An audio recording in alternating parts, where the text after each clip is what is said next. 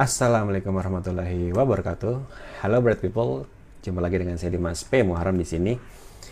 Um, saya mau sharing satu hal lagi sih, ini masih di hotel yang sama, meskipun bajunya beda. Udah habis mandi dan sholat subuh juga. um, ada beberapa teman sih yang sering bertanya hal seperti ini. Um, ya ini bisa diterapkan sih untuk teman-teman baik yang disabilitas atau non disabilitas misalnya baru lulus, misalnya baru selesai sekolah SMA atau mungkin baru kuliah, terus bingung gimana cari kerja, gimana dapat penghasilan gitu ya. Um, menurut saya itu sampai kepada tahap kita itu memperoleh penghasilan, kita itu selesai kuliah atau sekolah, itu tahapannya panjang sih teman-teman. Bahwa prosesnya itu seharusnya sudah ada ketika kita masih sekolah atau kuliah. Itu saya pernah pernah ceritakan sebelumnya kayak dari SMP aja saya udah pernah udah pernah dapat uang pertama saya tuh kayak diajakin buat jaga stand buat pameran uh, yayasan waktu itu itu udah dapat uang lah honor. Ya kecil cuman itu buat anak SMP kan luar biasa. Uh, terus juga ya dari sekolah dari kuliah sering ikut lomba dapat hadiah gitu kan dapat reward. Terus juga ya freelance freelance lah. Entah itu mungkin kalau saya background bahasa bisa penerjemahan gitu. Jadi jalannya itu panjang. Nah tapi buat teman-teman yang uh, mungkin dulu pas sekolah atau kuliah ya udah cuma sekolah aja. Atau jangan-jangan malah main. Nah itu ya nggak ada telatnya sih kalau kita um, untuk berubah gitu ya. Jadi um, ada beberapa hal teman-teman yang mungkin bisa teman-teman lakukan agar nggak um, bingung lagi ketika sudah sekolah, selesai sekolah atau kuliah nanti gimana caranya dapat kerja. Um, karena di sini saya bilangnya kenapa kerja karena ya kita mungkin bisa bisnis, bisa jadi entrepreneur, cuman saya meyakini bahwa nggak semua orang punya bakat ke situ. Ya, dan meskipun semua itu bisa dilakukan dengan kerja keras tapi ya itu nggak banyak orang yang bisa mencapai ke situ. Jadi meskipun itu hal yang bagus dan sangat bagus sekali karena memberdayakan dan juga membuka lapangan kerja tapi kita saya mau coba mau ambil dulu hal yang paling basicnya yang mungkin paling affordable atau yang paling reachable yang bisa kita capai itu ya dengan mendapatkan pekerjaan yang layak kita dapat penghasilan dan kita bisa memenuhi kebutuhan atau mungkin sampai saving bisa nabung atau persiapan buat masa depan dari situ gitu. Nah yang pertama adalah teman-teman mungkin tahu ya bahwa um, salah satu yang penting, paling penting ketika bekerja itu adalah CV atau kurikulum vitae. Jadi teman-teman semua ini harus punya namanya itu CV atau kurikulum vitae. Jadi nggak hanya buat itu ketika misalnya mau kerja, mau lamar kerja, atau ini enggak tapi harus buat dulu.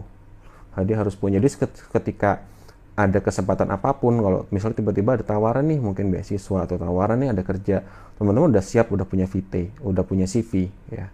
Atau dari CV itu teman-teman bisa ketika misalnya ada kenalan. Jadi nggak cuma bilang e, pak saya udah lulus sekolah atau kerja nih kalau ada kerjaan tolong kasih tahu. Nggak begitu tapi kasihkan bersama dengan CV-nya kan mungkin nggak mungkin kenal tapi kan nggak tahu teman-teman sudah punya track record apa saja punya pengalaman apa saja. Nah itu harusnya ada di CV itu. Dan meskipun pada saat itu ketika menyebarkan CV atau memberikan CV ke orang-orang yang potensial mungkin untuk memberikan informasi pekerjaan itu belum ada info. Tapi kan kalau udah ada CV mungkin pada satu saat ketika misalnya oh ada lowongan nih. Oh iya waktu itu pernah ada ngasih CV nah pasti teman-teman akan ada di top of priority ketimbang sama yang cuman bilang nanti kalau ada info tolong kasih tahu ya gitu. Ya itu enggak kurang profesional menurut saya. Nah lalu yang berikutnya untuk mengisi CV itu kan butuh ada isinya ya. Bukan cuma biodata CV itu. Ada misalnya pengalaman kerja pengalaman kursus punya keterampilan apa saja. Nah bagaimana cara tuh mengisinya ya? Teman-teman harus perbanyak pengalaman. Nah kalau untuk misalnya skill ya jangan bosan-bosan lah, jangan capek untuk ikuti kursus-kursus baik yang berbayar atau minimal yang gratis. Gratis itu banyak banget. Apalagi buat teman-teman disabilitas ya dari dari kementerian, dari swasta, pemerintah swasta itu banyak sekali membuka itu. Jadi yang memang kita harus bekali adalah ya diri kita sendiri dulu. Kita harus meningkatkan kapasitas. Nggak cukup hanya dari bangku sekolah atau bangku kuliah. Itu kan adalah kuliah atau sekolah itu kan adalah hmm, skill atau keterampilan akademik. Sedangkan untuk yang praktisnya itu perlu diasah lagi yaitu dengan mungkin ikut kursus ikut pelatihan ikut seminar webinar. Nah itu teman-teman selama masih ada kesempatan misalnya belum ada pekerjaan tetap terus juga masih bisa ditanggung keluarga ya perbanyaklah bekali diri teman-teman gitu. Jadi jangan kosong melompong gitu ya. Harus membekali itu semua. Nah terus yang berikutnya selain skill itu juga kadang butuh kayak pengalaman kerja. Nah bagaimana orang belum pernah bekerja terus punya pengalaman kerja? Ya bikin pekerjaan teman-teman sendiri dulu. Bingung nggak? Jadi bikin itu maksudnya gini uh, misalnya dulu ya um, karena belum punya pengalaman kerja saya ya udah kita bikin waktu itu sama teman-teman bikin kartunet itu. Ya kita bikin pelatihan gitu. Kita ajakin teman-teman yang lain buat kita punya skill nih kita punya keterampilan. Kita ngajarin bikin pelatihan bikin kelas gratis gratis nggak apa-apa gitu. Tapi kan itu bisa jadi track record kita. Nah, makanya dan sekarang terbukti ketika misalnya dulu kita sering bikin pelatihan bikin uh, berbagi kepada teman-teman dan itu ada dokumentasinya ada track recordnya dikenal orang. Nanti orang kan kenal kita oh dia yang bisa ngajarin komputer itu oh dia yang bisa ngajarin nulis oh dia yang bisa ngajarin apa gitu. Dan itu nanti akan berdampak kepada track record atau rekam jejak kita. Nah, akhirnya sampai saya pernah jadi instruktur di Kementerian Kominfo akhirnya. Ya kan nggak mungkin dong sih bisa jadi instruktur atau pengajar di kementerian kalau nggak punya pengalaman sebelumnya. Ya karena cara mendapatkan pengalaman itu ada dua antara kita memang bekerja atau membantu orang lain atau ya kita membuat pekerjaan itu sendiri dan kita mengajak orang lain untuk jadi dalam tanda kutip um, sarana untuk kita mempraktekkan keterampilan atau ilmu kita gitu. Jadi itu terus juga um, bikin apa namanya translate gitu kan bantuin orang buat translate gitu penerjemahan. Banyak hal-hal yang bisa kita lakukan atau teman-teman bisa freelance. Banyak sekarang kan situs-situs yang menawarkan pekerjaan freelance kayak content writing kalau yang bisa desain itu ya desain atau ada yang bisa bikin web atau social media management banyak sekali. Dan jadi teman-teman harus perbanyak itu semua. Jangan pernah berhenti. Mentang-mentang nggak kerja mentang-mentang belum punya pekerjaan terus ya udah cuman main. Nongkrong-nongkrong nggak. Manfaatkan waktu seoptimal mungkin. Gitu. Nah terus yang berikutnya adalah bangun branding personal brand itu penting banget teman-teman. Jadi ya bagaimana orang mengenal kita kalau kita tidak menunjukkan diri kita ke orang lain.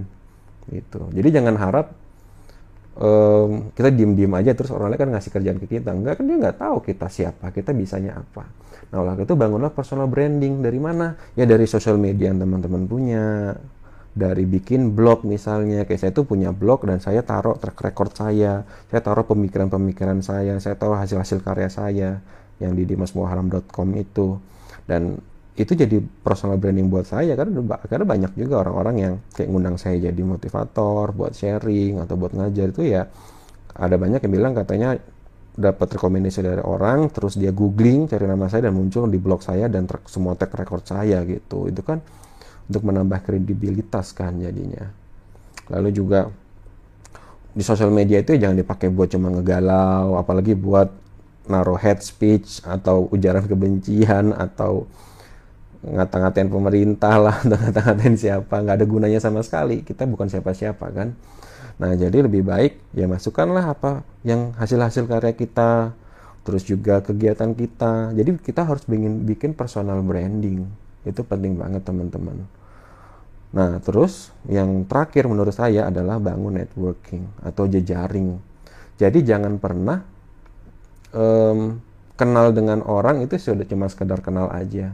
Misalnya ketika kita ada suatu dalam suatu acara, lalu ada orang-orang yang kira-kira punya posisi atau punya apa, yang mungkin tidak akan berdampak secara langsung. Tapi namanya networking itu bisa jadi apa yang kita dapat sekarang itu adalah mungkin bisa jadi rekomendasi dari siapa secara tidak langsung atau siapa kenal siapa, lalu ingat kita segala macam. Jadi bangunlah networking kalau misal acara harus aktif nggak cuman pasif diem aja nggak ada yang kenal kita kita harus buat orang lain itu kenal kita dan jalin kontak yang baik gitu.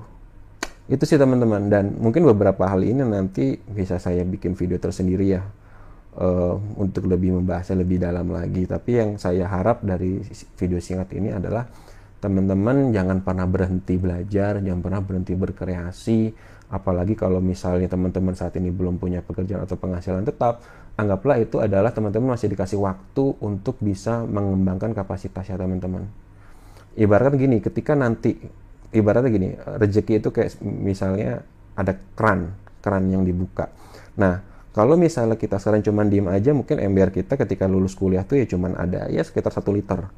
Tapi belum ada airnya juga gitu kan.